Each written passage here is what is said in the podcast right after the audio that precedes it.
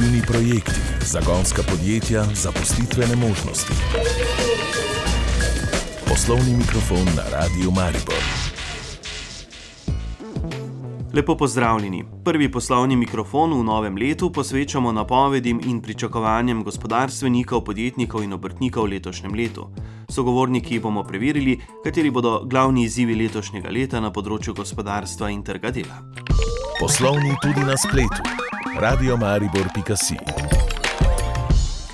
Leto 2021 je prineslo ugodne gospodarske trende. Beležili smo visoko gospodarsko rast, BDP se je povečal za okoli 6 odstotkov, pa tudi majhno brezposelnost, trenutno je 6,5 odstotna. In čeprav je zdaj v Sloveniji največ delovno aktivnih, odkar statistični urad spremlja podatke, je minulo leto še vedno zaznamovala epidemija. Gospodarstvo pa se vedno bolj spopada z visokimi cenami energentov, surovin in s pomankanjem delovne sile. Kakšne so torej napovedi in pričakovanja za letos?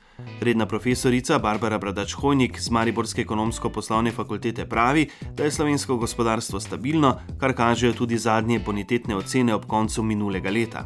Tako je, ja, skladno pač z uh, fiskalnim svetom in njihovimi ugotovitvami so tudi nekako na mednarodni ravni uh, ugotovili, da je Slovenija med stabilnimi gospodarstvi. Uh, ta bonitetna ocena je še vedno A oziroma AA odvisno od agencije, kar kaže na to, da imamo nekako ta makroekonomski okvir. Robustno sprejet, sprejet je bil v bistvu nekako že pred epidemijo ne, in smo s takšnim tudi v njo uh, vstopili ne, in uh, z ukrepi smo ublažili negativni vpliv epidemije, kot tudi v bonitetni oceni nekako ugotavljajo. Ne, ugotavljajo tudi, da je bil naš odziv na krizo hiter, kjer smo eh, kratkoročno zelo pomagali s temi širokimi ukrepi podjetjem in zmanjšali vpliv krize. Med prednostmi pa so nekako tudi izpostavili to relativno visoko dodano vrednost, če primerjamo s svetom. Ne? In ta fiskalni okvir, ki smo ga imeli, je izpostavljen že pred epidemijo. Gospodarske napovedi so tudi za letos ugodne. Ja, z nacionalnega vidika je seveda prva ta rast BDP-ja, ki se napoveduje sicer z nekoliko nižjo stopnjo, tam okrog 5%, eh, kar je še zmeraj solidna rast, ne? in pa delna rast tudi inflacije, eh, na, mislim, da okrog 2 odstotka. Sicer pa z vidika gospodarstva pričakuje eh, okrevanje gospodarstva, kar se kaže že v tej polovici, drugi polovici leta. Eh, tudi razmere na trgu bi se naj izboljševale, tudi z vidika ohranjanja nizke brezposelnosti. Največje tveganje pa še zmeraj, tudi za prihodnje leto, eh, predstavlja razvoj epidemije. Ne? S čimer so pač povezane vse te trenutne eh, napovedi. Ker če se bo ta razvoj epidemije nekako uh, nadaljeval, ne, ali pa če bo trajal, bo pač potrebno ponovno podpirati gospodarstvo z ustreznimi ukrepi, kar lahko negativno vpliva na makroekonomske kazalnike Slovenije. Gospodarska rast bo po napovedih Organizacije za gospodarsko sodelovanje in razvoj sicer nekoliko nižja, kot je bila za lansko leto. Na globalni ravni je svetovno rast sicer zmanjšal, ne? ampak za Slovenijo pa nekako OECD napoveduje visoko rast. Najbrž prav zaradi tega hitrega okrevanja, ki ga morda marsikdo v Sloveniji tudi ni še pričakoval.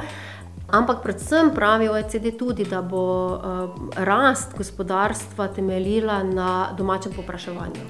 Tako kot lani pravi sogovornica in dodaja, da se je v zadnjih mesecih zaupanje v gospodarstvo povečalo. Zmanjšalo se je edino v predelovalni dejavnosti, predvsem zaradi rasti cen.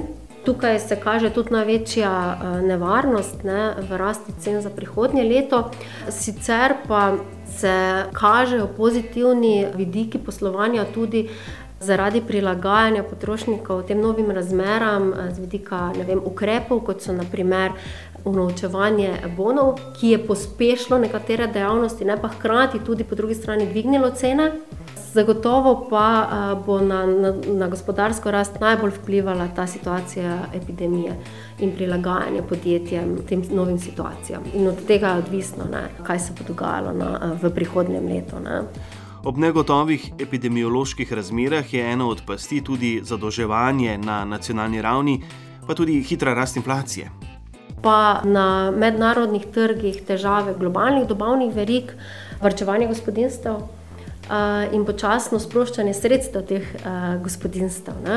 Na drugi strani pa je to hkrati tudi priložnost, ne, ker če bodo gospodinstva ta svoja sredstva še naprej sproščala, investirala, bo, bo povzročilo tudi rast v gospodarstvu. Ne. Hkrati pa je tudi priložnost izkoriščanja teh EU sredstev ne, za investiranje v projekte, na eni strani digitalizacije, prehoda brez oglično družbo, ne, pa tudi tega paketa za okrevanje, ki lahko prinese dodaten eh, razvoj v Sloveniji. V nadaljevanju oddaje pa z vodstvi Štajerske gospodarske zbornice in območne obrtno-podjetniške zbornice Maribor o pričakovanjih v letošnjem letu. Ostanite z nami. Poslušate oddajo Poslovni mikrofon na Radiu Maribor. Poslovni mikrofon na Radiu Maribor. Gospodarske napovedi so tudi za letos ugodne. Nadaljevalo se bo okrevanje gospodarstva, brezposelnost naj bi se še naprej zmanjševala, BDP pa naj bi zrasel za okoli 5 odstotkov. A čeprav so makroekonomske napovedi spodbudne, je pred podjetniki veliko izzivov. Rast cen energentov in surovin, inflacija, pomankanje ustrezne delovne sile in še vedno trajajoča negotovost zaradi epidemičnih razmer bodo krojili dogajanje v letošnjem letu. Kaj pričakujejo v Štajerski gospodarski zbornici, pa direktorica Aleksandra Podgornik. Ko se pogovarjam z našimi podjetji, eh, tako manjšimi kot večjimi podjetji, vidim, da vendar eh, to moramo reči naročilje. Zdaj zaenkrat je, je pa res vedno je situacija, kako ta naročila speljati. Ne. Tudi na koncu tare nas tudi uh, včasih uh, ta odsotnost, uh, bolniška odsotnost, vezana seveda na epidemiološko sliko in pa po drugi strani pa z vsemi temi izzivi, tako s surovinami, kot z, z raznimi energenti, kot z pomanjkanjem delovne sile. Po drugi strani pa moram reči, da podjetja imajo dobre kontakte, tudi na koncu tudi imamo dober položaj, kar se tega tiče. Tudi, kaj, eh, moram reči, da je tudi jaz, ko sem bila sama v izvozu, eh, smo bili eh, na nek način tudi Evropo zelo dobro zapisani, tudi kot podjetje, kot tako. In podjetje zaenkrat kar dobro funkcionirajo. Je pa res, lahko bi še boljše in moram reči tudi to, da uh, tu bi pa potrebovali res zdaj z prihajajočimi vsemi razpisi in pa sredstvi, ki bojo na voljo, da se vendar mogoče podprejo tiste ciljne večji projekti, ki pa nam lahko v kratkem času prinašajo bistveno boljše efekte. Ne? Predsednik območne obrtno-podjetniške zbornice Maribor Aleš Pulko pravi, da bo neukrepanje vlade pri podražitvah energentov prineslo manjšo konkurenčnost slovenskih podjetij. Se pravi, elektroenergenti so se v poprečju na prehodu iz leta 2021 na 2022 pri, pri gospodarskih eh, potrošnikih povečali za 300%, konkurenti v, v Evropi pa zgolj za 110-115%. In tukaj bo ključna eh, nekonkurenčnost Slovenije se začela kazati v naslednjih mesecih, letih. Te podražitve energentov bodo drastično vplivali na njihove stroške. Opozarja tudi na druge podražitve, denimo hrane, vse skupaj pa bo vplivalo tudi na stroške zaposlenih. In tukaj bomo zopet v, v težavah, ne? Eh, kljub nekim dvigom plač, ki so se zgodile, bodo žal uh, uh, na koncu bilance, osebne bilance, doma uh, negativne. In uh, nekako bomo, bomo še samo povečevali, kupna moč bo začela padati, se pravi, potrošnja bo padala, neminovno in uh, inflacija bo rasla. Na kljub vsemu pričakuje gospodarsko rast v skladu z napovedmi, a zaradi vseh omenjenih izzivov pričakuje dolgoročnejše posledice. Bilančni podatki podjetij, ki bomo jih videli leta 2023, marca za leto 2022, bodo bistveno slabši kot bodo letos, predvsem iz razloga povečanih teh stroškov. Ne. Na drugi strani bo potem zopet sledil povečanje stroškov dela, ker bo to potrebno, če bomo želeli svoje zaposlene obdržati. In eh, nekako bilance bodo slabe, gospodarska rast bo, po mojem, na teh predvidevanjih, promete bomo ustvarili, vendar dobički in razlike v ceni podjetij bodo toliko slabše, kar bo pomenilo, da bo leto 2023 v bistvu investicijsko slabše, razvojno slabše. In to se potem, ne, ta manjko investicij v enem letu se pač z zamikom uh, pozna in uh, na eni strani znižuje konkurenčno prednost, na, drugim, na drugi strani pa zni, znižuje v bistvu sploh možnost slovenskim podjetjem, da, da kandidirajo na določenih projektih, ki so pač zelo pomembni tako za podjetja, kot tudi za nacionalne prihodke. O tem, kako bodo cene energentov, surovin, inflacija in negotovost epidemije vplivali na trg dela, pa Bernard Mimon, direktor Mariborskega zavoda za zaposlovanje, pravi. Jaz bom rekel takole: zagotovo ti dejavniki bodo vplivali na, na samo zaposlovanje, na, na, na trende na področju samega zaposlovanja, vendar eh, na drugi strani poslušamo energetske strokovnjake, ki napovedujejo, da se bo ta energetska kriza, če lahko to tako poimenujem, ustavila v Eh, začetku spomladi 2022. Zdaj, eh, verjetno so tudi na podlagi teh predpostavk vse te inštitucije napovedale relativno optimistično gospodarsko rast. Eh, in če se bo to res zgodilo, jaz mislim, da ne bo bistveno vplivalo na, na, na sam trg dela in zaposlovanje na področju trga dela. Kaj ti, kot vemo, za to energetsko krizo tičijo bolj špekulativni razlogi, ne toliko vsebinsko-materialni razlogi kolikor pač nas opozarjajo danes strokovnjaki. In glede na to, da ni na, na svetovnem trgu se zgodilo nič drastičnega, moram reči, da, da skoraj ne bi smelo bistveno vplivati na, na samo zaposlovanje, na splošno v Evropski uniji, tako kot sem rekel, glede na to, da so v zadju špekulativni razlogi. Memon je tako optimističen in verjame, da bo brezposelnost, ki je v Mariboru ob koncu minulega leta znašala okoli 8 odstotkov in pol, še nižja. Območje službe Maribor smo nekako zastavili optimistične cilje, glede na to, da imamo skoraj v naši evidenci eh, skoraj 56 odstotkov brezposelnih oseb, ki so dolgotrajno brezposelne osebe. Bomo ključne aktivnosti peljali v tej smeri, da bomo čim hitreje aktivirali in jih vrnili nazaj na trg dela, predvsem te osebe, ki so več kot leto dni v evidenci brezposelnih oseb. Ta cilj smo si postavili tudi na državnem nivoju, na kolegiju direktorjev, ki imamo te eh, redne eh, mesečne eh, sestanke pravzaprav v Ljubljani. In je naš cilj na državnem nivoju število brezposelnih pripeljati na številko 55 tisoč. Jaz mislim, da ta številka je nekako dosegljiva, glede na to, da smo že zdaj blizu 66-67 tisoč brezposelnih oseb in uh, bi to številko lahko dosegli, vendar ne brez tega, da se ne bomo ciljno lotili najtežje strukture brezposelnih, ki si jih omenil, to so dolgotrajno brezposelni, potem to so starejši od 50 let, teh imamo nekaj več kot 34 odstotkov v naših evidencah, tudi mladi in tudi pravzaprav ženske. V Mariboru bi tako radi brezposelnost znižali iz okoli 9000 na nekaj več kot 7000. In jaz mislim, da smo to sposobni storiti, sploh eh, če se bomo, tako kot sem že povedal, predvsem lotili eh, tega segmenta dolgotrajno brezposelnih oseb, ki jih imamo več kot 56 odstotkov v naših evidencah. O tem, kakšni so načrti Štarske gospodarske zbornice in obrtno-podjetniške zbornice Maribor v letošnjem letu, pa v zadnjem delu daje. Poslovni mikrofon na Radiu Maribor raziskovalci na javnem razpisu. Evropski razpisi, predstavitve poklicev, pozitivne zgodbe našega okolja. Ki bomo obrnili to tehnologijo v svoj prid. Poslovni mikrofon na Radio Maribor. Območna obrtno-podjetniška zbornica Maribor je tudi v preteklem letu zaradi nenehnih državnih sprememb in ukrepov v boju proti epidemiji izjemne napore vlagala v informiranje svojih članov, se spominja postorjenega predsednik zbornice Aleš Pulko. Je pa bilo potrebno uh, najti pravilne komunikacijske kanale med, med našimi člani.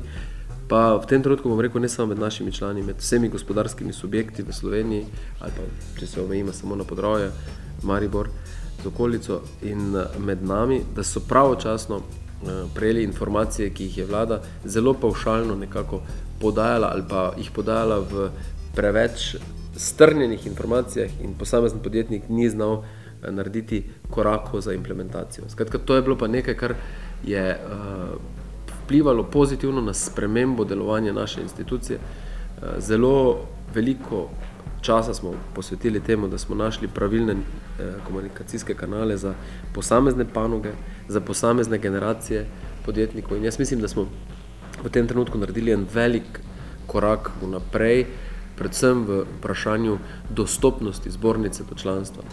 Podjetniki so v koronskih časih bolj prepoznali potrebo po storitvah zbornice, kar se kaže v desetodstotnem prirastu članstva, pravi Pulko, tako da Mariborska zbornica zdaj šteje okoli 1800 članov. V nekih trenutkih nismo niti vpraševali, ali je nekdo član ali ni član, ampak smo enostavno pomagali in tiste podjetja, ki so začutila, da smo jim dali nekaj, kar so v tistem trenutku potrebovali, so zelo hitro se odločila in potrkala na vrata naših sodelavk in rekla, želimo se članiti. Kot če pravi sogovornik, bodo letos posebno pozornost posvečali izobraževanju članov na področju vodstvenih sposobnosti, kot na področju davka, računovodstva in podobno. Podarek bo tudi na podjetjih, ki se pripravljajo na prevzeme oziroma prodajo. Še vedno ugotavljamo, da, da smo z projekti prenosa lasništva sicer dosegli neke učinke, vendar preveč podjetnikov se prepozno loti tega eh, procesa in na to preveč prihrankov izgubi, pri čemer bi lahko dosegli nek, neko dodano vrednost. Pravi, to bo zagotovo ena izmed pomembnih stvari, ki jih bo zbornica v prihodnje delala.